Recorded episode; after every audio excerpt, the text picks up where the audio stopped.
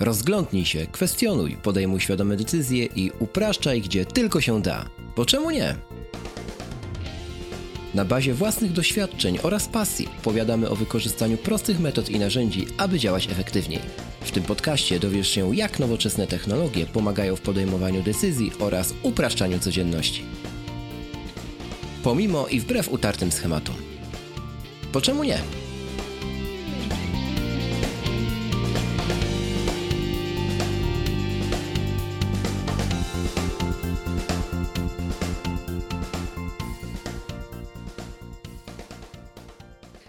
Trzydziesty trzeci odcinek podcastu Bo czemu nie? Z tej strony witają się z Wami Krzysiek Kołacz z Krakowa. Rafał Sobolewski z Wrocławia. I witamy gościa, który Gość. właśnie, który był zapowiadany. Teraz Norbi możesz. Przepraszam, wciąłem się gościnnie Norbert Cała z Józefosławia. To tak pod Warszawą. A w sumie to z Warszawy. Dokładnie. A co tam? Tak. Tak, witamy Norbi w odcinku 33. Dzisiaj temat, który jest Ci bliski, ale zanim do niego przejdziemy i zdradzimy, czego będzie dotyczył, to standardowo zaczynamy od krótkiej piłki, w której również będziesz miał swój udział dzisiaj. Rafale, zaczynamy od Ciebie, podanie do Ciebie. Co tam się wydarzyło w ostatnim czasie u Ciebie? Okej, okay, otóż we Wrocławiu dużo się teraz buduje nowych budynków. W zasadzie w każdym większym mieście, i dużo z nich buduje Skanska. Ta firma jest dla mnie takim przykładem inwestora bardzo odpowiedzialnego społecznie, bo oprócz tego, że oczywiście dbają i pewnie maksymalizują swoje zyski, to również wszystkie inwestycje, które realizują, starają się tworzyć w taki sposób, żeby był z nich też pożytek publiczny, żeby były zgodne z jakimiś założeniami urbanistycznymi, żeby ta jakość przestrzeni publicznej, którą tworzą, była na odpowiednim poziomie. I tak też Oto Skanska wygrała ostatnio przetarg na zabudowę pewnej ogromnej działki koło Sky Towera we Wrocławiu i to jest działka, przez którą kiedyś przed wojną przebiegała ulica Lwowska. I? I zgodnie z przetargiem mogli tam zrobić co chcieli, a z własnej inicjatywy odtworzą przebieg tej ulicy i zrobią deptak z fontanną i wysokiej jakości przestrzeń publiczną. Tak więc duże kudos dla Skanski, bo większość inwestycji, które realizują, przynajmniej we Wrocławiu, są z dbałością o takie szczegóły, które niekoniecznie przynoszą im e, bezpośrednio zyski, ale też podwyższają jakość przestrzeni publicznej w naszym mieście. Tak więc bardzo z tego tytułu się cieszę. Dobrze, e, to teraz może ja coś powiem odnośnie krótkiej piłki. To tak, jeżeli chodzi o moje tematy, to mieliśmy ostatnio z Rafałem taką przygodę związaną z Nozbi. Jak wiecie, obydwaj używamy Nozbi. I szczerze powiedziawszy, to jest coś niesamowitego w tym, że dwie różne osoby mają dwa zupełnie różne podejścia do jednego narzędzia, do produktywności.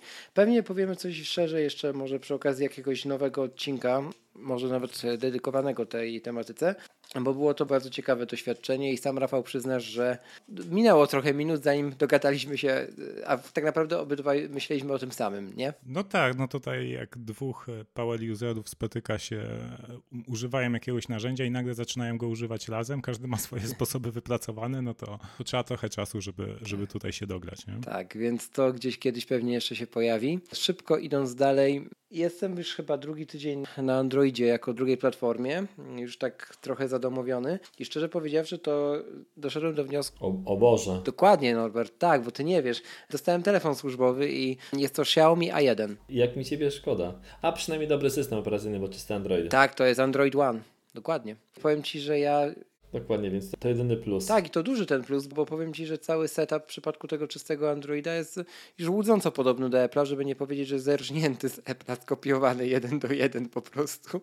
Łącznie z tym, że wiadomości możesz, wiesz, odczytywać na macOSie czy na Windowsie poprzez Chroma, przeglądarkę, nie? Po prostu taką aplikację do przeglądarki mają, że tam wiadomości się synchronizują, etc. No wszystko jest skopiowane z iOSa w sumie i nawet działa, nie? Ale tylko na tym czystym Androidzie. Przypuszczam, że gdyby to był Samsung, to by mnie już szlak trafił 20 tysięcy razy.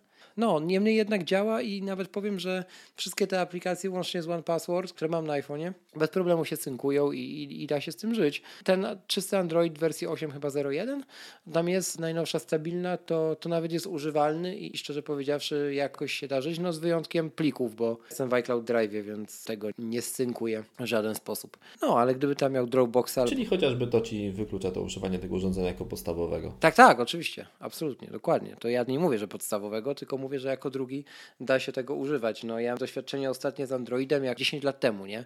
To wtedy się nie dało. Ale brawo dla firmy, że dali ci telefon z czystym Androidem. Tak, y, wszystkim kupowaliśmy od zawsze z czystym Androidem, tylko wcześniej to były Nexusy, a teraz te Xiaomi.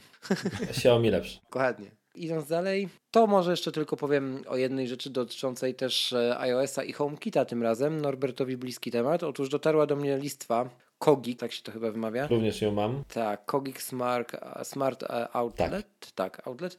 To jest najtańsza i najbardziej e, opłacalna według mnie teraz, pozbawiona jakichkolwiek kompromisów, opcja wejścia do świata HomeKit. Czy się zgadzasz, Norbi? W 100% trzy gniazdka, każde oddzielnie sterowane, naprawdę wypas. Super. Rewelacyjny pomysł na produkt, rewelacyjne pozycjonowanie, jakość wykonania versus cena sklepowa i naprawdę no, niczego więcej temu produktowi nie potrzeba. Myślę, że powinien śmiało trafić do Apple Store i być sprzedawany no przez co? Apple, oczywiście z narzutem, ale... Kogika w ogóle nie ma w Apple Store, więc nie sądzę, żeby był, powiem szczerze. Ale nie wiem. Chyba ze względu też na ceny tych produktów. Hmm. Bardzo możliwe, bo te produkty są bardzo tanie. No dokładnie. Okej, okay, a powiedzcie mi, te porty USB w tej listwie też są sterowane? Nie. Okej, okay, czyli tylko tak, tymi gniazdkami można sterować, nie? Tak. One po prostu są. No tak. Dokładnie. Więc niestety nie. I jedno jest dedykowane iPadom i Macom, bo MacBooka też da się z niego ładować. Ale bardzo, bardzo powoli. Bardzo powoli. iPada daje radę, bo to jest 2 ampery. Na MacBooka bardzo wolno, natomiast jest to rozróżnienie między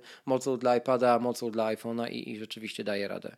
To chyba tyle o tej listwie. No polecamy gorąco. W nowym iMagazinie będzie test. To ja przetłumaczę. We wrześniowym numerze iMagazine. Tak, we wrześniowym numerze iMagazine. Dobra, Norbert, dajesz swoje tematy do krótkiej piłki. Tak, ja bardzo krótką piłkę, więc jak zobaczyłem, że napisałeś o tej listwie Kogik w Twoich krótkiej piłce, więc mhm. nie mogłem powiedzieć o czymś innym i test tego urządzenia możecie przeczytać mhm. w iMagazinie Lip Sowym, on jest umieszczony, to jest głośnik, który się nazywa Invoxa Triby. Jest to po prostu kombine HomeKitowy, bo to jest głośnik, który jest HomeKitowy, będzie miał z czasem AirPlaya dwójkę, ma wbudowany w sobie czujnik wilgotności i temperatury, który jest widoczny w HomeKicie, ma programowalne 5 przycisków do HomeKita, do każdego przycisku można przepisać po 3 akcje, mhm. a plus tego można na to urządzenie wysyłać takie krótkie powiadomienia, które pojawią się w postaci takiej na, na wyświetlaczu e, e, e-inkowym, czy takim e-papierowym i pojawi się wtedy taka flaga, która powie, że przyszło do Ciebie powiadomienie i to jest w ogóle przegenialny głośnik. O nim bym mógł mówić całe godziny, bo to naprawdę fantastyczna rzecz. Co więcej ma magnes po to, żeby można było go przypiąć sobie do na przykład lodówki w kuchni i sterować swoim dołem HomeKitowym z poziomu lodówki w kuchni. Pięć programowalnych przycisków, wypas, naprawdę wypas, plus tego będzie miał wsparcie dla Playa 2, jeszcze nie ma, będzie miał, więc to, to jedno, co Aha. chciałem powiedzieć w szybkiej piłce, a drugie, co chciałem powiedzieć, to wiem, że Ty Krzyśku biegasz i tam ćwiczysz ostro, jakiś czas temu się wziąłeś za siebie. Ja też jakiś czas temu zacząłem biegać i po trzech miesiącach intensywnego biegania ja też uprawiam inne sporty, ale bieganie zostało mi zalecone jako sport dodatkowy. Zacząłem biegać i po trzech miesiącach nabawiłem się pierwszej kontuzji. I jak nigdy nie rozumiałem biegaczy, nigdy nie rozumiałem tego, jak to może być fajnie biegać, bo zawsze dla mnie to bieganie to była jakaś taka mhm. masakra w ogóle, o co to chodzi z tym bieganiem. Jakiś pierwotny człowiek gonić za zwierzem, więc w ogóle tego nie ogarniałem. No to teraz się okazało, że w ogóle nie potrafię żyć bez tego biegania i jak jestem uziemniony trzeci czy czwarty dzień i pewnie będę uziemniony jeszcze do końca tygodnia, bo nie mogę biegać, no to to jest w ogóle masakra jakaś. Więc potwierdzam, dlatego... Rozumiem już biegacze. To się cieszę, ja to potwierdzam tylko i wyłącznie i dlatego też na przykład na wyjazdy służbowe czy też delegacje, mogę nie wziąć e, naprawdę, e, nie powiem już jakich rzeczy, ale muszę wziąć buty biegowe i strój. No właśnie, więc e, w ogóle nie, polecam, polecam bieganie wszystkim. Odszczekuję cokolwiek mówią o biegaczach, to super jest. Wkurzają mnie, jak blokują całe miasta. Uważam, że nie powinny być biegi miejskie organizowane w centrach miast. A to tu się zgadzam. To jest, mhm. Bo to jest głupota, e, ale ten, ale ogólnie super, naprawdę wypas. I to tylko tyle, ja bardzo szybko. Zwłaszcza, że te biegi mogłyby przysporzyć też e, samym biegaczom frajdy, gdyby ich wywieźć za miasto, bo każdy woli chyba nie po asfalcie, także no też w pełni zgoda. Tak, taki totalny profit z tego biegania to jest taki, że dużo bardziej łatwo określić mi po tych kilku miesiącach biegania wszystkie odległości. Oj, tak. Teraz, jeżeli ktoś mi powie, mhm. i skąd jest dokąd, mhm. to ja potrafię powiedzieć, ile jest skąd dokąd, bo po prostu bo doskonale to znam. Do tego stopnia, że wychodzę z domu i zaplanuję sobie, dzisiaj przebiegnę 10 km tak. i biegnę ścieżkami i, i, planuję w głowie sobie ścieżkę, mhm. którą nigdy nie biegłem wcześniej, trasę, którą nigdy nie biegłem. Dobiegam do domu, mam 10 200. Mhm. To ja mam w odwrotną stronę, jak ktoś mówi, że to jest jakieś 300 metrów stąd, to teraz dokładnie wiem, ile to jest. No właśnie, mhm. więc to zmysł przestrzeni tak. się lepiej rozwija. No dobrze, to tyle od mojej krótkiej piłki. I tym samym, choć mógłbym jeszcze godzinami na ten temat gadać, ale tym samym zamykamy krótką piłkę i przechodzimy do tematu odcinka, który nie jest związany z bieganiem, ale trochę z przemieszczaniem się mechanicznym. No właśnie, czy do końca mechanicznym, to tak e, nie wiem. A dzisiaj porozmawiamy sobie właśnie o elektromobilności, czyli o samochodach elektrycznych. Norbert bardzo dużo ma na ten temat do powiedzenia. Rafał obcował z Wozillą, a ja chętnie poprowadzę trochę tę dyskusję i popytam Was o to, jakie są Wasze doświadczenia. Zapraszamy zatem do 33 odcinka. Zostańcie z nami. Lecimy z tematem.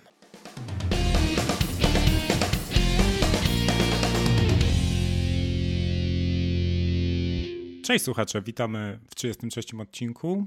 Tematem dzisiejszego odcinka jest elektromobilność. Krzysiek wspomniał, że chodzi o samochody elektryczne, ale czy na pewno? Norbert, jak rozumiesz elektromobilność? Co to takiego? No to takie trochę szerokie, szerokie pojęcie, bo elektromobilność to samochody, to co na końcu elektromobilności, czyli to co podpinamy do gniazdka, żeby naładować, to jest szczyt góry lodowej. Bo do gniazdka możemy podpiąć, żeby naładować samochód, możemy podpiąć samochód car sharingowy, możemy podpiąć autobus, deskorolkę, hulajnogę, coś tam, ale to jest szczyt góry lodowej, bo elektromobilność to jest to wszystko, co jest wcześniej tak naprawdę. Bo elektromobilność dla końcowego klienta to jest ten samochód, który sobie naładuje, ale tak naprawdę elektromobilność to jest też cała infrastruktura ładowania tych samochodów oraz prądu do ładowania tych samochodów, więc to naprawdę bardzo, bardzo, bardzo szerokie pojęcie. Czyli to wszystko, na co składa się to, że ludzie mogą się przemieszczać, być mobilni za pomocą jakichś elektronicznych y, urządzeń. Elektryczne samochody to żadna nowość. Elektrycznych pojazdów, o. Tak, dokładnie tak. Elektryczne pojazdy i samochody to żadna nowość.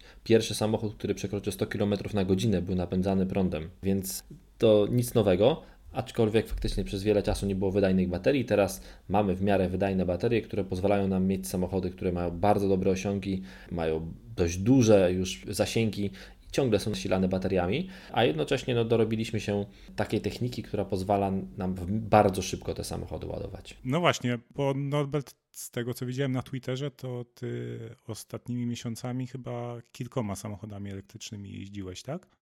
No w sumie chyba jeździłem wszystkimi popularnymi samochodami elektrycznymi, które możemy kupić. Tych samochodów wcale nie jest tak mało, jest ich coraz więcej. Oprócz samochodów elektrycznych są też hybrydy plug-in, czyli te hybrydy, które możemy doładować z gniazdka i które mogą mhm. ileś tam kilometrów przejechać po prostu tylko na prądzie, więc tego jest dużo. Ale tak, przetestowałem i właśnie mam na tapecie, piszę test, e, porównanie trzech samochodów elektrycznych najbardziej popularnych, czyli Nissana Leaf drugiej generacji, BMW i3 oraz y, Volkswagena Golfa, czyli trzy różne samochody, każdy z, troszeczkę z innej bajki, samochody elektryczne. Oprócz tego testowałem Tesla, Jaguara F-Pace, y, czyli y, różne samochody elektryczne. Chyba, mówię, większość tych, które są dostępne na rynku, miałem okazję przetestować. Faktycznie każdy z nich jest trochę inny, bo to są różne klasy samochodów, ale każdy też, no każdy też ma swoje plusy i minusy. To zachęcam, nie będziemy tych omawiali tych samochodów tutaj mhm. szeroko, bo nie ma na to czasu.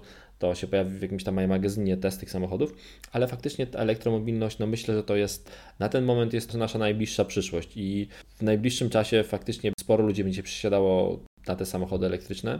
Po drodze jest jeszcze milion problemów do rozwiązania ale tak naprawdę to chyba to przyszłość. Jednym z tych problemów y, jest też dostępność tych samochodów, przynajmniej jeżeli mówimy o Tesli, bo wiesz, Tesla mm, to jest taki, taki, taki trochę wytrych, nie? Jak ktoś mówi o elektrykach, to mówi przeważnie o Tesli, bo jakby to jest w świadomości społecznej na pierwszym miejscu. I teraz na przykład nasz kolega redakcyjny Maciek Nowakowski zamówił sobie Tesla 3, nie? I tam jej termin dostarczenia ma na przyszły rok, czy tam nawet za dwa lata jeszcze. Czyli w momencie, kiedy już ten samochód będzie miał załóżmy 4-5 lat, nie? Na rynku. E, nawet załóżmy, że te 3 lata. I Teraz pytanie, czy z każdym samochodem elektrycznym jest tak, że się na niego czeka? Czy to jest tylko ewenement Tesla? Jakby rozwiejemy od razu to, e, czy to dotyczy wszystkich, czy to tylko i wyłącznie Tesla przypadek i, i Ilona? Ogólnie na każdy samochód, nawet nie tyle elektryczny, co w ogóle na każdy. Teraz ciężko kupić samochód tak z spółki.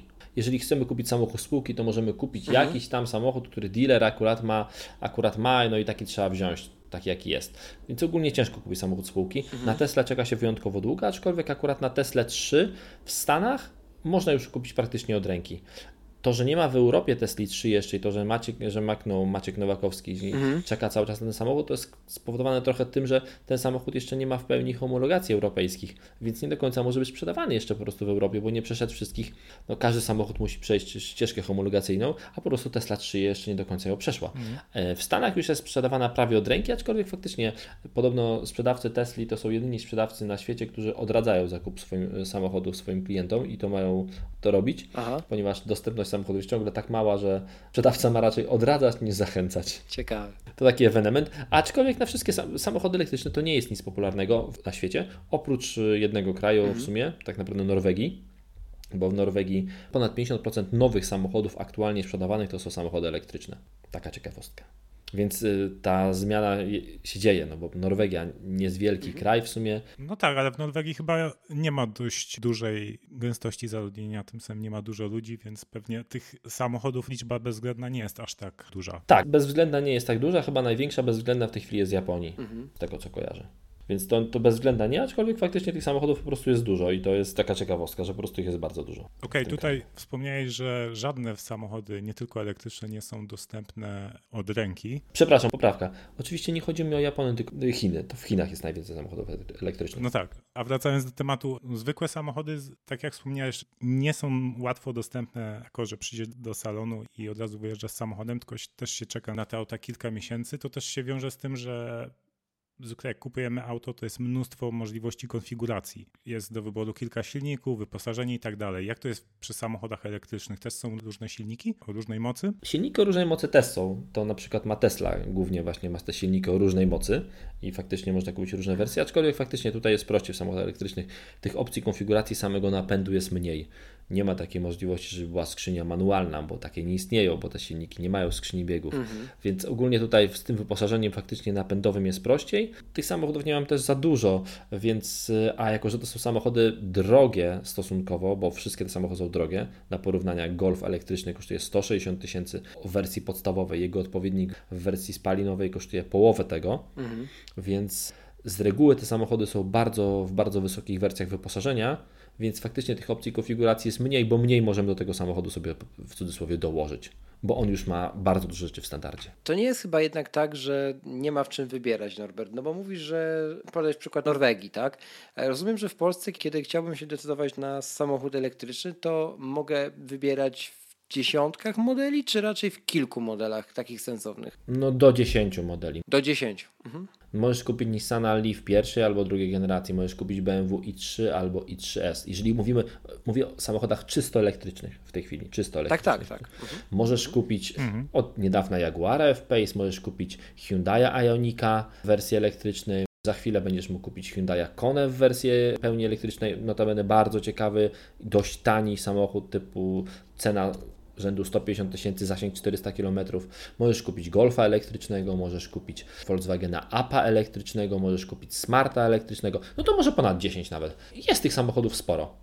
To nie jest tak, że nie ma w czym wybierać, aczkolwiek Aha. są to zazwyczaj po prostu samochody miejskie. Jedynym takim właśnie ewenementem i czymś innym to jest Jaguar F-Pace, czyli taki SUV oraz e, właśnie Tesla która jest SUV-em albo kompaktem. To są jedyne od, odstępstwa od tego, bo większość innych samochodów elektrycznych to samochody typowo miejskie. Bo Tesla też można kupić w Polsce. Można zamówić i ona zostanie dostarczona na teren Polski. Aha, to tego nie wiedziałem. Okay. Mimo, że salonu nie ma, mhm. możesz na stronie wybrać kraj dostawy Polska. No tak, zamówi Makną, wybrał kraj dostawy Polska. Mhm. Okej, okay, to ciekawa informacja. Norbert, ale wiesz, jakby rozmawiamy też o, o tych elektrykach, już powiedziałeś, że przetestowałeś ich sporo to dlaczego nadal nie, nie masz elektryka? Bo wiesz, Norbert to gadżeciarz raczej, tak, tak jesteś kojarzony i też się nad tym zastanawiałem. Wiesz co? No bo chyba nie ma tego samochodu idealnego jeszcze, którego, który bym chciał mieć. Ciągle, ciągle szukam tego samochodu idealnego i ciągle, i to jest, widzisz, to jest tak jak wśród komputerów, wśród telefonów, zawsze możesz czekać na nowszy model, ponieważ może się okazać, że ten, który kupisz, no za chwileczkę wyjdzie ciągle nowszy.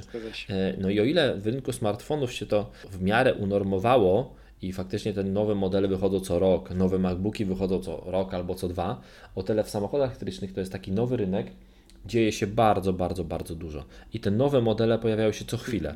Więc y, to jest ten moment, gdy jeśli nie musisz kupować samochodu, to faktycznie możesz chwilę poczekać jeszcze, bo za chwileczkę pojawi się na pewno lepszy model, na pewno fajniejszy model, bo ten rozwój na tym momencie jest bardzo silny. Więc warto może poczekać chwilę, może rok i zastanowić się i kupić coś faktycznie, bo za rok pewnie będzie coś jeszcze lepszego, tańszego. I podejrzewam, że ceny będą też spadały w w najbliższym czasie dość lawinowo tych samochodów. I przyglądam się temu. Jedno jest pewne, mhm. mój kolejny samochód będzie samochodem elektrycznym. Nie kupię już samochodu spalinowego. Okej, okay, to mamy deklarację. okay. Tak, podpisuję się pod tym e, okay. obiema rękoma, nogami i wszystkim innym. Nie kupię samochodu innego niż elektryczny, bo faktycznie mhm. samochody elektryczne już osiągnęły ten moment, że można je kupować, czyli potrafią przyjechać w miarę dużo, są bardzo bezawaryjne, dużo bardziej bezawaryjne niż samochody spalinowe no i tanieją, ewidentnie tanieją. Trochę tak jak urządzenia HomeKita. Zaraz mi się analogia w głowie znalazła. Tak. Trochę tak. Jestem ciekaw, jaka będzie żywotność takich samochodów w porównaniu do tych spalinowych. No wiesz co, wszyscy martwili się o to, że te baterie będą bardzo mało wytrzymywały. Okazuje się, że baterie wytrzymują więcej niż wszyscy założyli, więc spokojnie można przejechać 300 tysięcy na samochodzie mhm. elektrycznym bez wymiany baterii. Mhm. A jednocześnie cała obsługa samochodu jest dużo tańsza. Ostatnio był taki słynny post jakiegoś taksówkarza z Amsterdamu, który swoją Teslą S przejechał ponad 300 tysięcy kilometrów i dopiero wymienił jej klocki hamulcowe. A to dlatego, że samochód elektryczny bardzo dużo Aha. hamuje silnikiem, doładowując baterię, więc klocki hamulcowe się mniej zużywają. Ogólnie samochód elektryczny jest dużo bardziej bezobsługowy bo klocki hamulcowe zużywają się mniej, bo tarcze hamulcowe zużywają się mniej, bo hamujemy silnikiem, bo nie ma wymian olejów, bo nie ma wymiany płynu chłodniczego, bo nie ma wymiany płynów skrzyni biegów, bo nie ma skrzyni biegów, bo nie ma naprawdę wielu, nie ma rozrusznika, pompy paliwa, wielu rzeczy mechanicznych, które w samochodach spalinowych są i potrafią się psuć. No właśnie, Powiedziałeś, że wielu rzeczy nie ma w tych samochodach. W związku z tym takie samochody elektryczne mogłyby wyglądać troszkę inaczej, a wyglądają tak samo jak klasyczne samochody, a mogłyby dużo mniej miejsca no. zajmować, co by troszkę rozwiązało największy problem, jaki ja osobiście mam z samochodami, to ile powierzchni zajmuje samochód w stosunku do zdolności przewozowych, jakie ma. Tak, i były takie przykłady, bo na przykład mamy samochód, który wygląda trochę inaczej niż inne, czyli BMW i3. Mhm. Mamy samochód, który wyglądał totalnie inaczej, czyli Nissan Leaf pierwszej generacji.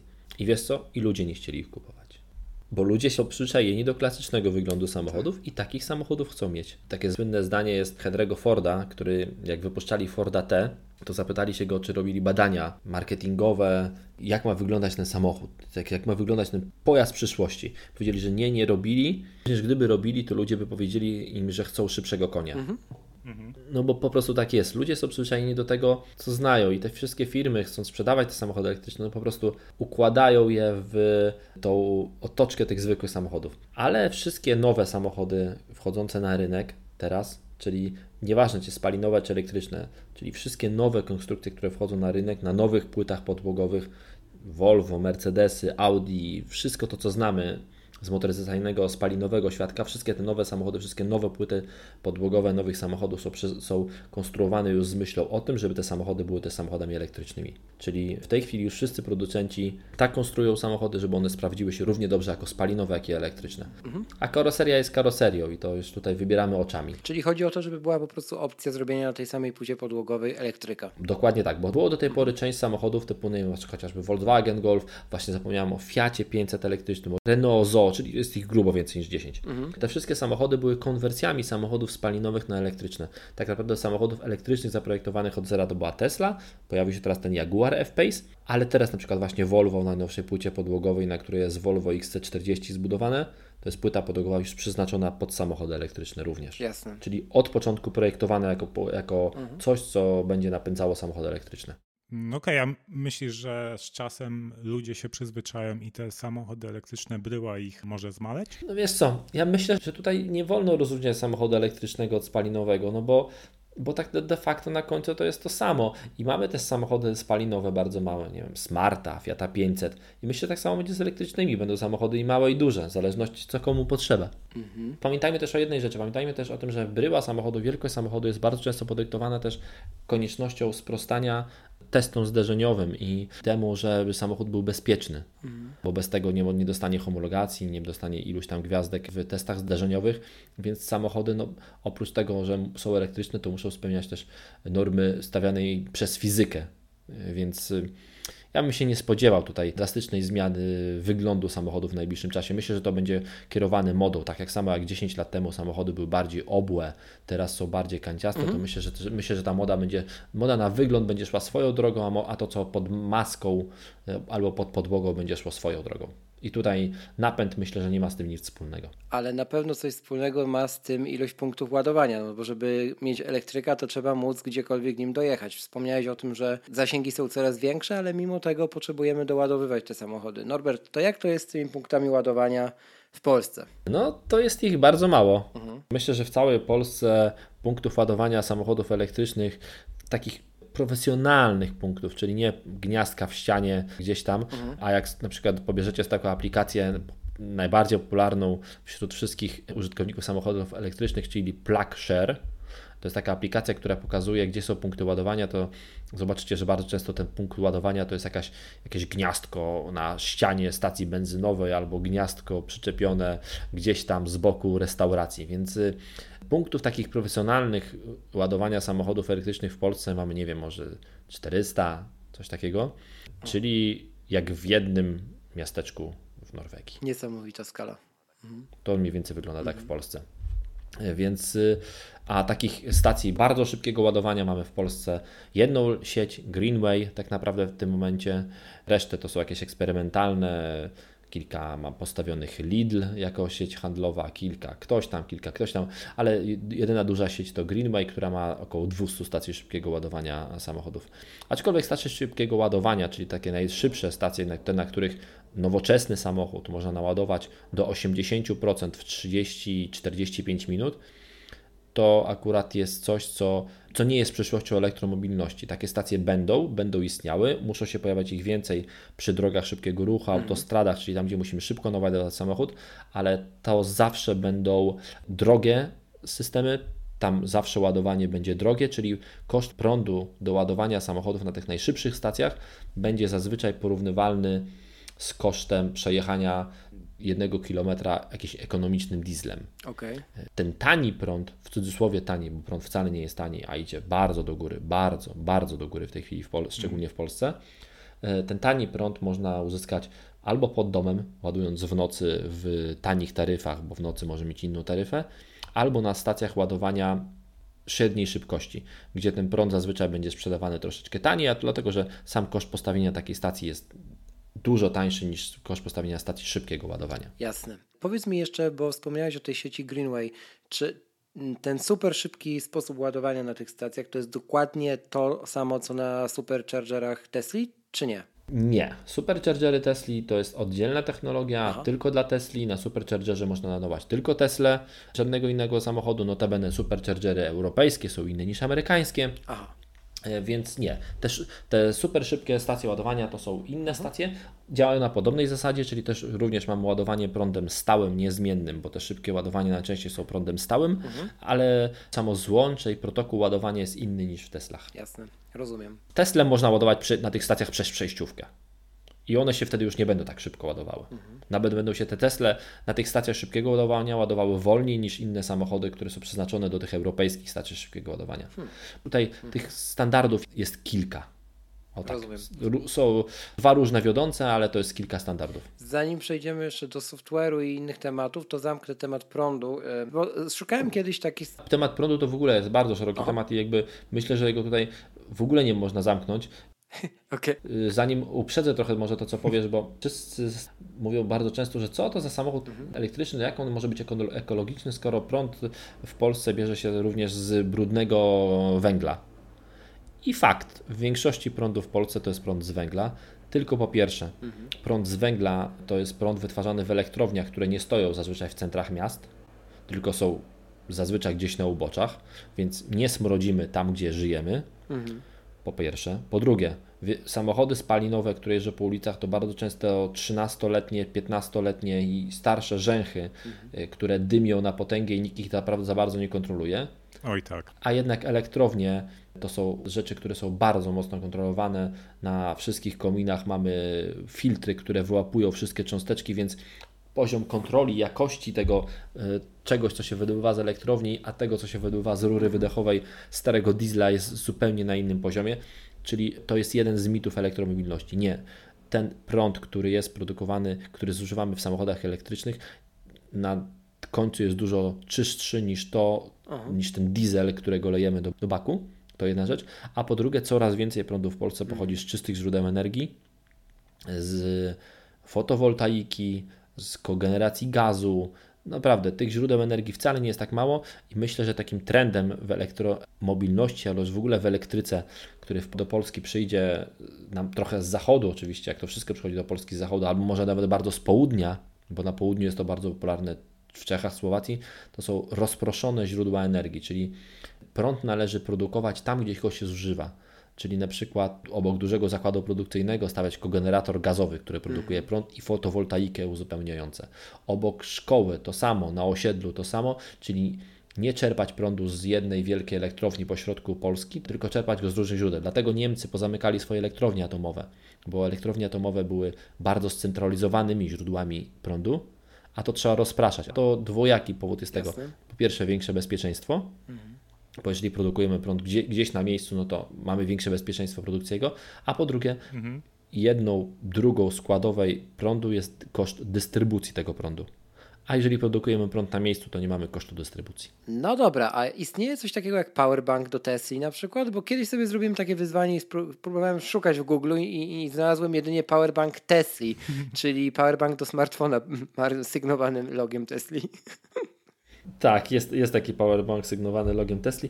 Powerbank do Tesla nie, nie do końca jest coś takiego jak powerbank do Tesla, ale jest coś, co się nazywa Powerwall od Tesla. Powerwall to jest taki magazyn energii, czyli po prostu bateria, którą możemy sobie wykupić mhm. chyba w tym momencie tylko w Stanach na razie i po prostu powiesić ją e, w garażu i ona zmagazynuje prąd albo z sieci energetycznej, albo ten wyprodukowany przez nasze solary na dachu, albo jakiś tam inny i pozwoli nam na to na przykład, żeby przez 7 dni e, korzystać z prądu jeżeli odetnie nam prąd taki z miasta. Taki, tego Powerwalla e, Tesla. Aha. Okay można już kupić teraz. Co więcej, cieka taka ciekawostka.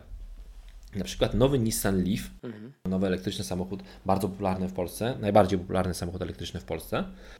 On potrafi, oprócz tego, że, że potrafi pobrać sieć, yy, prąd z sieci, potrafi go również zmagazynować i oddać. Czyli na przykład może służyć do, jako powerbank do domu. Jeżeli zabraknie nam prądu w domu, to możemy z Nissana ten prąd sobie pobrać i na przykład właśnie taki jednorodzinny dom z baterii Nissana przez 3 do 5 dni zasilać cały jednorodzinny dom. Niesamowite. Jest to nasz taki własny wewnętrzny bank energii. W ogóle Nissan to pojęcie elektromobilności bardzo szeroko redefiniowuje mhm. i mówi na przykład, że samochody elektryczne mogą być takimi jeżdżącymi bankami energii, czyli na przykład możemy naładować w ciągu nocy, gdy prąd jest tańszy, gdy zapotrzebowanie na prąd jest mniejsze, możemy naładować Nissana Leaf pod swoim domem do pełna a potem możemy pojechać do miasta, do centrum miasta, gdzie w ciągu dnia zapotrzebowanie na prąd jest dużo większe, mhm. gdzie prąd wtedy jest droższy, podpiąć go do słupka ładowania i zamiast ładować się z niego, to oddawać ten prąd do sieci. Na przykład oddać 50%, bo 50 nam wystarczy na powrót do domu. Mhm. I tak de facto zarabiać na wożeniu prądu. A w ten sposób, czyli ten power sharing, kurczę. Power sharing to w ogóle elektromobilność tak strasznie redefiniuje w ogóle funkcję miast i redefiniuje naprawdę bardzo, bardzo dużo rzeczy. I tak jak powiedziałem na początku, samochód elektryczny to jest wierzchołek góry lodowej elektromobilności. Bo zobaczcie, takie rzeczy. Ładujesz samochód tanio pod domem. Oddajesz, bo, jest, bo nie ma zapotrzebowania na prąd. Oddajesz ten prąd drogo w centrum miasta w ciągu dnia i zarabiasz na tym, że przywiozłeś prąd, bo oddajesz go drożej niż go, niż go naładowałeś. Tak sobie chłopaki myślę, że za parę lat te słynne powiedzenia przywieź mi wiaderko internetu, wiaderko prądu będą rzeczywistością. Wiaderko prądu już można przywieźć, bo Tesla oprócz tego proponuje właśnie te power wall takie do domów, mhm. czyli właśnie wieszane na ścianę banki energii. Oni proponują też takie banki energii dla chociażby przedsiębiorstw, czyli większe banki energii i to są właśnie takie wielkie baterie, które można ładować które będą ładowały się z pól solarnych Tesli, potem będę, będę, będą wożone elektrycznymi ciężarówkami Tesli, dowożone do zakładów produkcyjnych, które nie będą miały żadnego połączenia z siecią, tylko będą korzystały z prądu przewiezionego ciężarówką. Czyli przewiezienie takiego prądu jest tańsze niż przetransportowanie go siecią energetyczną?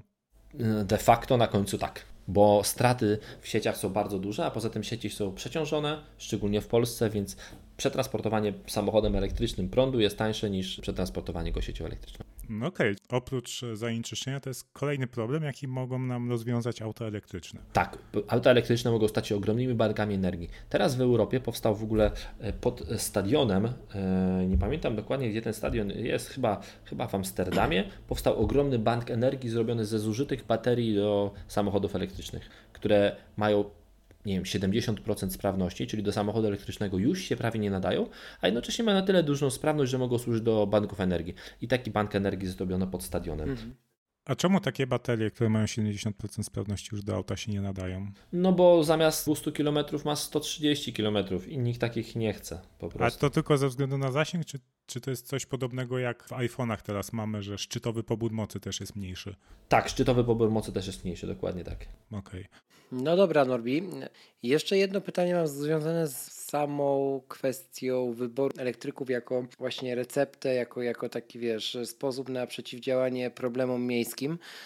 Bo raz, że to co powiedziałeś, przyszłością może być power sharing, ale dwa, już teraz y, na przykład komunikacja miejska, tak? Przedsiębiorstwa komunikacji miejskiej prześcigają się w bombardowaniu nas komunikatami prasowymi o tym, jak to one nie są elektryczne i eco-friendly, kupując właśnie hybrydy na potęgę od Solarisa zwłaszcza oraz właśnie już pełnoprawne elektryki. Przy czym te pełnoprawne elektryki ciągle są gdzieś jakimś kompromisem. Są bardzo krótkimi autobusami, jeżdżą na bardzo krótkich trasach, przeważnie po centrach miast, tam gdzie mają te punkty ładowania, których w mojej ocenie na przykład w Krakowie jest za mało, a tych elektryków wydaje się przybywać. I teraz pytanie, czy ten kierunek wyboru na przykład hybryd, to, to jest jakiś tam kierunek ku dobremu, czy to jest trochę tylko i wyłącznie czysty PR pod tytułem kupmy dwa elektryki z prawdziwego zdarzenia, resztę hybryd i powiedzmy ludziom, że wszystkie są elektrykami. To temat znowu szerszy. W Polsce od lutego tego roku działa mhm. ustawa o elektromobilności. Ta ustawa oprócz tego, że daje właścicielom samochodów elektrycznych takie przywileje jak to, że mogą parkować za darmo,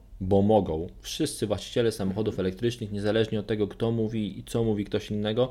Ja wiem, że w Polsce wszyscy z prawem ostatnio nie liczą i można zmienić sobie ustawę o konstytucję, ale nie.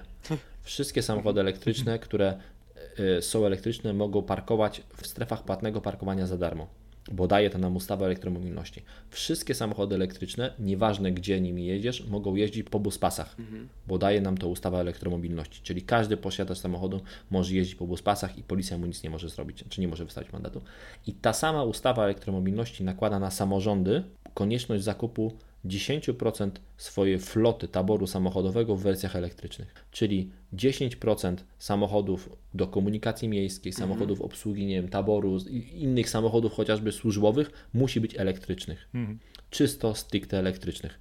I to nakłada na nas ustawa elektromobilności, stąd tak dużo tych samochodów się pojawiło i tych autobusów faktycznie się pojawia dość dużo. I to e, nie hybrydowych, tylko elektrycznych. To, że ktoś jest hybrydowy, to on to nie spełnia warunków ustawy to musi być e, czysto elektryczne urządzenie. Okej. Okay. A trolejbus spełnia warunki? E, szczerze nie wiem. Chyba już w bardzo małej ilości miast Polski są trolejbusy. Chyba w Gdyni jeszcze są. Tak, tak, tak. W Gdyni już chyba, już chyba nie ma. W Sopocie, w Sopocie są na pewno. Naprawdę? No nie wiem, ja nie wiem. W Sopocie są na pewno, tak. Mi się wydaje, że w zeszłym roku widziałem w Gdyni. Tak? No nie wiem, ja e, myślę, że trolejbus to nie do końca to i to chyba jakaś tam ślepa uliczka. Z trolejbusem jest jakże świnką morską, ani to świnka, ani morska. Jasne. Ani tramwaj, ani autobus elektryczny. Właśnie, a tramwaje się w to wliczają, Norbert? W tę ustawę? Nie, no na pewno nie. Na pewno nie, nie, nie, nie, nie, tramwaje nie. Nie, bo Norbert mówi tylko pojazdy samochodowe, nie? Samochodowe, okej. Okay. Nie wyłapałem. Mhm. Tak, tylko, pojazdy, tylko, tylko, tylko sam. We Wrocławiu nawet pozwolili samochodom elektrycznym e, poruszać się po deptakach. No właśnie. Na przykład po ulicy Szewskiej. I dla mnie to jest zupełnie niezrozumiałe. Na początku elektromobilności, jeśli chcemy ją wypromować, to musimy dawać bardzo, bardzo dużo ponadprzeciętnych profitów. Mhm. One potem będą spadały ale na początku, jeśli chcemy to wypromować, to musimy tak. tych profitów widać dużo więcej, a potem je odejmować. I myślę, że to, że to taki powód. Teraz weszła też nowa ustawa, która pozwala tworzyć zamknięte strefy miejskie, czyli pobierać prąd za wjazdą centrów miast. na przykład Kraków chce pobierać, znaczy pobierać prąd, co ja mówię, pobierać opłaty za wjazd do centrów miast. No właśnie. Na przykład w Krakowie, żeby wjechać na Kazimierz, będzie można wjechać już niedługo tylko samochodem elektrycznym albo będąc mieszkańcem. Mhm. I to też jest kolejna promocja samochodów elektrycznych. Centra miast w Europie będą się zamykały dla samochodów spalinowych, otwierały tylko dla samochodów elektrycznych, co na pewno ten, te samochody elektryczne bardzo wypromuje to raz, a dwa, że pomoże mieszkańcom na przykład. Tak, na, sorry Rafał, jeszcze, że Ci wchodzę w zdanie, ale bo mi ucieknie. E, pomoże mhm. na przykład mieszkańcom takiego Kazimierza, gdzie dodatkowo w promocji pomoże fakt, że odciążał Kazimierz turystycznie, w sensie też e, inaczej, może nie turystycznie, ale umożliwią swobodne poruszanie się na przykład w weekend, bo w weekend w tym momencie na Kazimierzu rzeczywiście na tych małych uliczkach jest taka ilość samochodów, y, kierowców, którzy, no nie oszukujmy się, mają kasę, więc ich to trochę rybka, czy zapłacą mandat, czy nie i potrafią stać naprawdę w takich konfiguracjach, że ja nawet nie wiedziałem, że tak tyle aut można na jednym, na jednej stronie chodnika postawić, w, wiesz, w poprzek prawie jeden na drugim, więc no. No to tutaj się będzie to zmieniało i pewnie będą coraz częściej te służby mocno działały i, i zabierały te samochody. No ja samochody elektryczne będą miały tutaj możliwości wjeżdżania, więc. A Jasne. wracając jeszcze na chwilę do, do Solarisa, o którym wspomniałeś, Solaris się właśnie sprzedał. E, mhm. Już został sprzedany i nowy kontrahent, który go zakupił, podobno według plotek zakupił go właśnie dlatego, że mhm. mają bardzo dobrze rozwiniętą technikę budowania samochodów, e, autobusów elektrycznych. No proszę. Okej, okay, ja jeszcze wrócę do tego tematu właśnie ograniczania wjazdu samochodom zwykłym i promowania elektrycznych. No, Rozumiem, że dobrze jest promować tą elektromobilność, no bo część problemów to nam rozwiązuje, ale dalej w miastach, szczególnie u nas w Polsce, największym problemem jest liczba samochodów w stosunku do liczby mieszkańców. Każdy praktycznie ma samochód i każdy wszędzie jeździ samochodem po mieście, co jest skrajnie nieefektywne patrząc z punktu widzenia całego transportu w mieście. Nie? Stuprocentowa zgoda. Teraz zamiast zachęcać, żeby zamieniać samochody spalinowe na elektryczne, powinniśmy zachęcać ludzi na to, żeby w ogóle mniej używali samochodu, czy to elektrycznego, czy spalinowego, bo jak wspomnieliśmy, no, samochód elektryczny nie rozwiązuje tego problemu, że zajmuje bardzo dużo powierzchni w stosunku do zdolności przewozowych, jakie oferuje. Nie? Stąd systemy carsharingowe, które są coraz bardziej popularne. We Wrocławiu Wozilla. Dzisiaj widziałem pierwszy raz elektryczny Renault Zoe obrędowany trafikarem, czyli warszawskim chociażby systemem e, sharingowym. Wiem, że w Krakowie też powstanie tak. E, system car sharingowy, który jest współfinansowany przez Tauron, mhm. który będzie oparty na samochodach elektrycznych. Wiesz, więc to tak po prostu krok po kroku. Najpierw pozbądźmy się samochodów spalinowych, a potem pozbywajmy się pozostałych. Czyli eliminujmy po kolei, w jakimś książce było napisane, gaśmy tylko te pożary, które wybuchły. Czyli nie, nie starajmy się naprawić świata od razu mhm. zupełnie, tylko eliminujmy te, te problemy po kolei. Najpierw wygońmy samochody spalinowe, a potem pozbądźmy się wszystkich samochodów. E, aczkolwiek ta rewolucja elektromobilności, połączenia z carsharingiem i z tym wszystkim, ja myślę, że to bardzo się zazębia mhm. i to siłą rzeczy będzie eliminowało. Plus tego teraz kolejna ustawa pojawiła się, która pozwala podnieść ceny za parkowanie samochodów w centrach miast. Podobno jest takim e, sposobem, żeby sprawdzić, czy cena parkowania samochodów w mieście jest dobrze dobrana, czy źle dobrana jest. Jeżeli nie ma wolnych miejsc w centrum miasta, to znaczy, że jest za tanio. Tak, 10% miejsc mhm. powinno być wolnych cały czas. Dokładnie tak. Ceny za parkowanie samochodów powinny być cały czas podnoszone do tego momentu, aż 10% będzie wolnych, czyli będzie wtedy oznaczało, jest ok, to jest dobra cena, taka, która powinna być. Czyli jedziesz samochodem i to automatycznie wyeliminuje bardzo dużo ludzi, którzy, na przykład mnie, którzy bardzo często nie muszą jechać do centra miasta samochodem, a jeżdżą y, z przyzwyczajenia. Norbert, to teraz potrzebujemy takie mięsko trochę już pod koniec dla słuchaczy. Jakie są największe mity związane z elektromobilnością? Bo to wystarczy w YouTube'a wpisać i wiesz, wiesz co się dzieje. Jasne, mity związane z elektromobilnością. No to pierwszy mit to jest to, że elektromobilność nie jest ekologiczna, bo, bo się ładuje samochody z brudnego prądu. Bzdura. Ten prąd jest dużo czystszy niż ten diesel, który wydobywa się z samochodu. To jedno. Drugi mit, że nie ma praktycznie samochodów elektrycznych. Oczywiście, że są. Już dzisiaj wymieniliśmy tych samochodów elektrycznych bardzo dużo. Mhm. Najwięcej tych samochodów elektrycznych jest tych, których najbardziej potrzeba, czyli właśnie tych miejskich. To jest drugi mit. Trzeci mit to jest taki, że nie ma gdzie tych samochodów ładować. I jest to trochę mit, trochę nie. Ja e, testując samochody elektryczne, nigdy nie ładowałem ich pod domem. Mimo, że mam taką możliwość, robiłem specjalnie tak, żeby nie ładować ich pod domem. Czyli jeździłem całe dnie samochodów, korzystając tylko z publicznych stacji ładowania i stacji ładowania w mieście, żeby poczuć się jak kierowca samochodu, który nie ma możliwości ładowania go pod domem. Da się. Nigdy nie stanąłem, zawsze miałem naładowany samochód. Jak często oddaję testówki z parków prasowych różne spalinowe, to zazwyczaj oddaję z pustym bakiem. Te elektryczne oddawałem najczęściej naładowane przynajmniej w 50%. Mhm. Da się ten samochód naładować w miastach.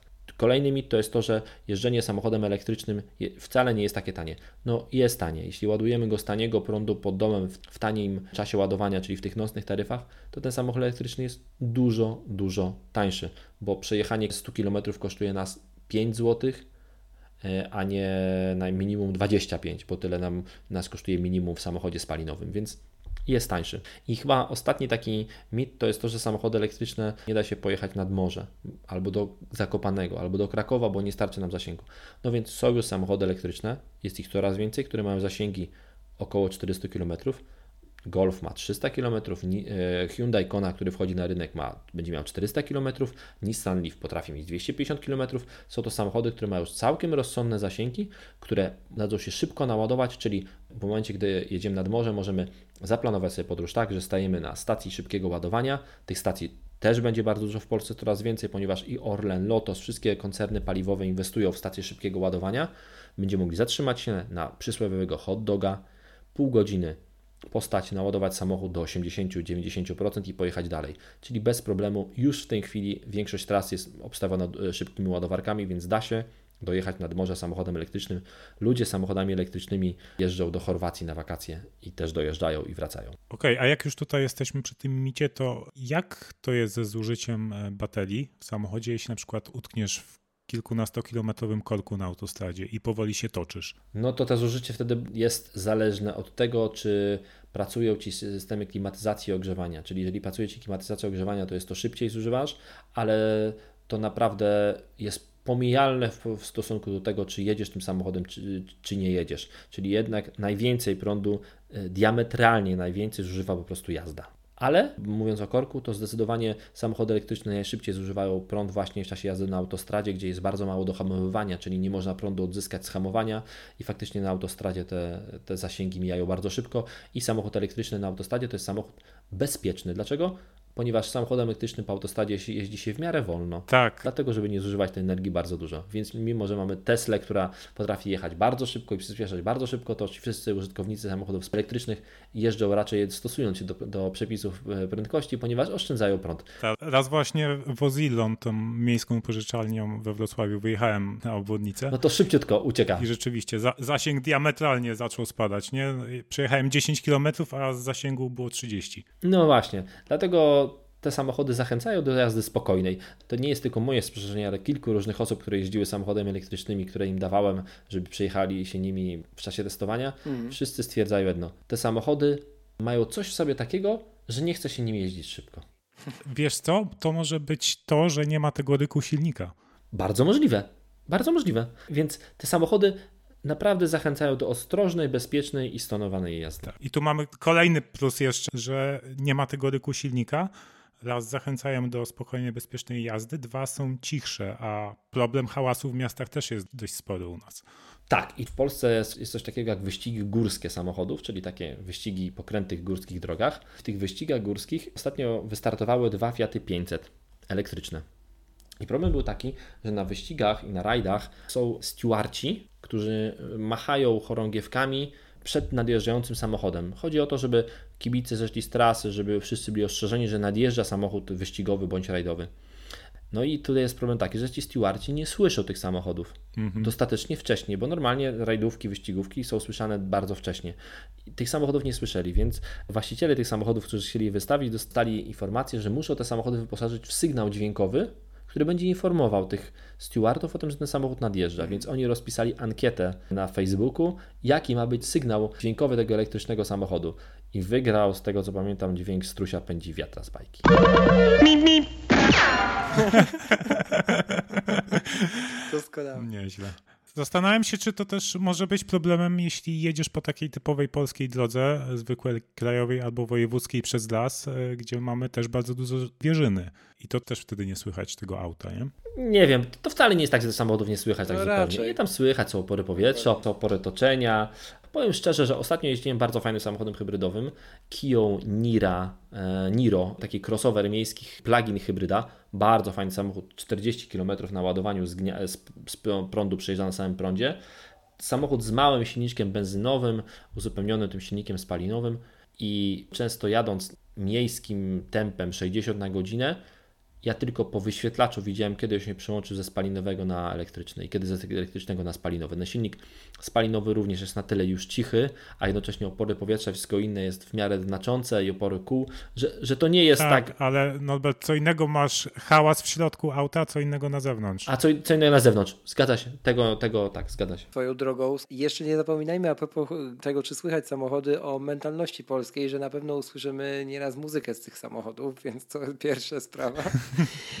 Druga sprawa, y, to chciałem powiedzieć wcześniej jeszcze mm, o software'ze trochę, bo Norbert, wiem, że lubisz y, wszelkiego rodzaju update'y, zresztą wiele osób to wie i tak dalej. Na ile te systemy zarządzania całym komputerem pokładowym w przypadku elektryków są bardziej lukratywne, inne, lepsze czy gorsze, tego nie chcę oceniać, względem takich zwykłych y, komputerów pokładowych w samochodach, no powiedzmy jak, wiesz, jak, jak nowe Astry, czy nawet Mercedesy z tymi pełnymi systemami tam pokładowymi. Czymś się to różni, czy to jest jakby to samo i to moje myślenie jest zupełnie błędne? Wiesz co, jest bardzo podobnie. Mhm. Wszystkie systemy ala autonomicznej jazdy, czyli mhm. systemy utrzymujące pas ruchu, jakieś lidary sprawdzające odległość od samochodem przed nami, systemy utrzymania tak. odległości, to wszystko jest takie samo. To jest dokładnie to samo. Okay. To, co może różni samochody elektryczne od strony softu od samochodów spalinowych, to to, że zazwyczaj w samochodach elektrycznych mamy bardzo dokładnie pokazany, jak, co się dzieje z energią w tym samochodzie elektrycznym. Czyli mamy bardzo dokładne wykresy,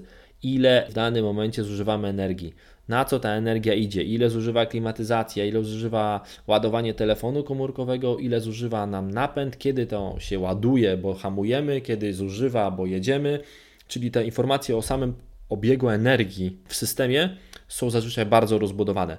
Jeśli chodzi o resztę systemów, to one są bardzo podobne. Rozumiem. To tutaj jest to samo.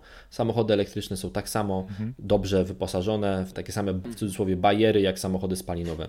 Okej, okay, to chyba na sam koniec, chyba że Rafał jeszcze masz coś zanim zacznę zamykać ostatnim pytaniem, co chciałbyś z Norbertem poruszyć? O ile nie będziesz zamykać prądu, to może zamykać. Nie, prądu nie zamierzamy zamykać. Ja tutaj propos zamykania prądu to jakby właśnie taka ciekawostka, że w 2050 roku podobno prąd używany do ładowania samochodów elektrycznych to będzie 1 czwarta prądu zużywanego na świecie. Jestem w stanie w to uwierzyć. A jak już jesteśmy przy przyszłości, to Norbert, jakbyś miał powiedzieć jakieś przewidywania swoje na koniec odnośnie elektryków, to co by to było? Ale Polska czy, czy świat? Świat. Coś będziemy ograniczać. Ej. Come on. Wiesz co, jeżeli chodzi o świat, no to tutaj przyszłość się jasno rysuje. Takie miasta jak Paryż, Berlin, wszystkie powoli zapowiadają, że 2025-30 to są zakazy wjazdu samochodów elektrycznych do centrów miast. Spalinowych. Spalinowych. Co diametralnie, sp przepraszam, spalinowych, oczywiście, tylko wjazd elektryczny, co diametralnie nam zmieni obraz tych miast, e, więc to jest taka najbliższa data graniczna. Ale myślę też, że do tego czasu pojawią się może inne samochody, może pojawią się więcej samochodów wodorowych, które na razie są, nawet są, nawet stawa elektromobilności, Polska o nich wspomina, choć w Polsce takich samochodów nie ma, bo nie ma stacji ładowania samochodów wodorowych żadnej, czy ładowania, tankowania, więc yy, przewidywania, yy, ciągły, ciągły rozwój, czyli rozwój samochodów elektrycznych, który będzie napędzał rozwój systemów ładowania, bo to jest taka kula śnieżna. Mhm. Nie ma systemów ładowania, bo nie ma samochodów elektrycznych. Nie ma systemów samochodów elektrycznych, bo nie ma systemów ładowania. Ktoś musi to zacząć. W Norwegii na przykład Najpierw na początku pojawiły się stacje ładowania, a potem się pojawiły samochody. E, może być odwrotnie, może pojawić, pojawiły się najpierw samochody i firmy, które budują sieci ładowania, od, będą odpowiadały na to zapotrzebowanie. Tego nie wiem. Wiem na pewno, że to się że ta kula śnieżna się za chwileczkę zacznie toczyć. Przez szczęście będziemy wybierali samochód elektryczny jako jedyny Aha. możliwy samochód, który możemy kupić, bo jeżeli mieszkamy w centrum miasta, do którego nie, nie będziemy mogli wjechać samochodem spalinowym, to po prostu kupimy elektryczny. Aha i tyle. A, za tym pójdą systemy rozproszonych źródeł energii, czyli systemy fotowoltaiki, systemy kogeneracji gazowej, systemy elektrowni wiatrowych, czyli bardzo dużo różnych systemów produkcji energii tam, gdzie są one zużywane. A chyba dalej, z tego co mi się wydaje przynajmniej, kiedy odgracimy już miasta ze spalinowych samochodów, następnie wprowadzimy tam elektryki, to później w ogóle jak będziemy chcieli, żeby zniknęło to z przestrzeni, że tak powiem, powierzchni Ziemi e, i zaczniemy je wysyłać pod Ziemię albo nad Ziemię. To już fantazjuję, ale mm, pod Ziemię jak najbardziej jest to realne, chociażby ze względu na Boring Company e, Ilona Maska, który buduje tunele pod, pod Nowym Jorkiem, gdzie będą się przemieszczały e, właśnie Tesla. Ja myślę, że to może być jeszcze trochę inaczej. Aha. Myślę, że my, wy, ja jesteśmy ostatnim pokoleniem, które chce posiadać samochód. Że nasze dzieci już nie będą widziały potrzeby posiadania samochodu. Mhm. Dlaczego? Bo będą miały na każdym kroku samochód sharingowy, który będą Jasne. brały wtedy, kiedy, kiedy będzie im potrzebny. Jestem przekonany, że jesteśmy jednym z ostatnich pokoleń, które, chce, mm. które, które gremialnie, gremialnie w ogromnej większości chce posiadać samochód. Samochód, nasze dzieci samochód będą chciały posiadać niektórzy w celach kolekcjonerskich, ale większość tych nie będzie miało potrzeby posiadania samochodu elektrycznego, znaczy żadnego samochodu, ponieważ ten samochód będzie dla nich się wiązał tylko i wyłącznie z jakimś uwiązaniem z problemem parkowania, płacenia ubezpieczeń i innych rzeczy. A po co to wszystko robić, skoro na ulicy jest pełno samochodów, które możesz wziąć i pojechać tam, gdzie chcesz, wtedy, kiedy chcesz i zostawić tam, gdzie chcesz. Jak dla mnie wspaniała wizja. Nie wiem, Rafale, czy dla ciebie też? Tak, już, już chyba o tym w dziewiątym odcinku mówiłem, że dla mnie przyszłość tak. samochodu to jest samochód jako usługa, a nie coś, co posiadamy. Nie? W 100% zgoda. Jestem przekonany, że to będzie bardzo szybko, że już nasze dzieci nie będą potrzebowały tych samochodów w garażu. No ja mam nadzieję, że do, dożyjemy takich czasów, że my nie będziemy potrzebowali, tak więc, ale dlatego właśnie musimy biegać, dbać Dokładnie o zdrowie, tak. żeby długo żyć. O, o, o, to, to, to, to, to, to. Dobrze. I żeby nie zacząć kolejnego odcinka, to puentą pełną zgodności u naszej trójki. Dzięki Norbert za Twoją obecność w tym odcinku. Myślę, że to bardzo, bardzo, bardzo mięsny odcinek e, wyszedł i konkretny. Dziękuję bardzo. Było mi miło po bardzo długim czasie nagrać jakiś podcast, bo miałem długo przerwę od nadgryzionych, jak kiedyś przecież nagrywaliśmy ich tak. bardzo często, więc e, z dużą energią i z dużą ochotą go nagrałem. Super. Jeżeli będziecie kiedyś nagrywali odcinek o HomeKicie albo jeszcze o samochodach elektrycznych, czyli mm -hmm. o czymś, na czym się znam, to e, polecam się w 100%. Dzięki Dzięki Norbert jeszcze raz. Dziękujemy Wam również za, was, za Waszą uwagę. Już mi się język plącze. Drodzy słuchacze i do następnego razu. To był 33 odcinek podcastu Po czemu nie? Z tej strony żegnają się z Wami Krzysiek Kołacz, Rafał Sobolewski i Norbert Cała Gościnnie. Trzymajcie się, dobrego odbioru. Dzięki bardzo, do usłyszenia. I działajcie.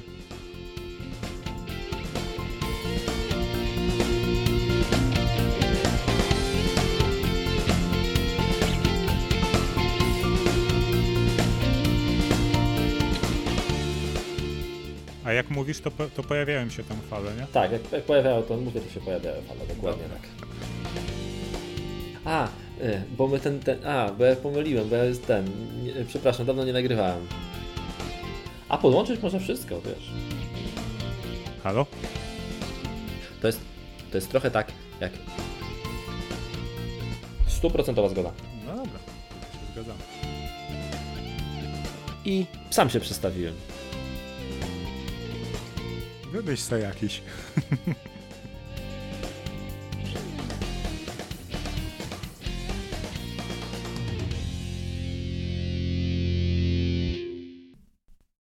Chciałem, żeby była krótka, naprawdę.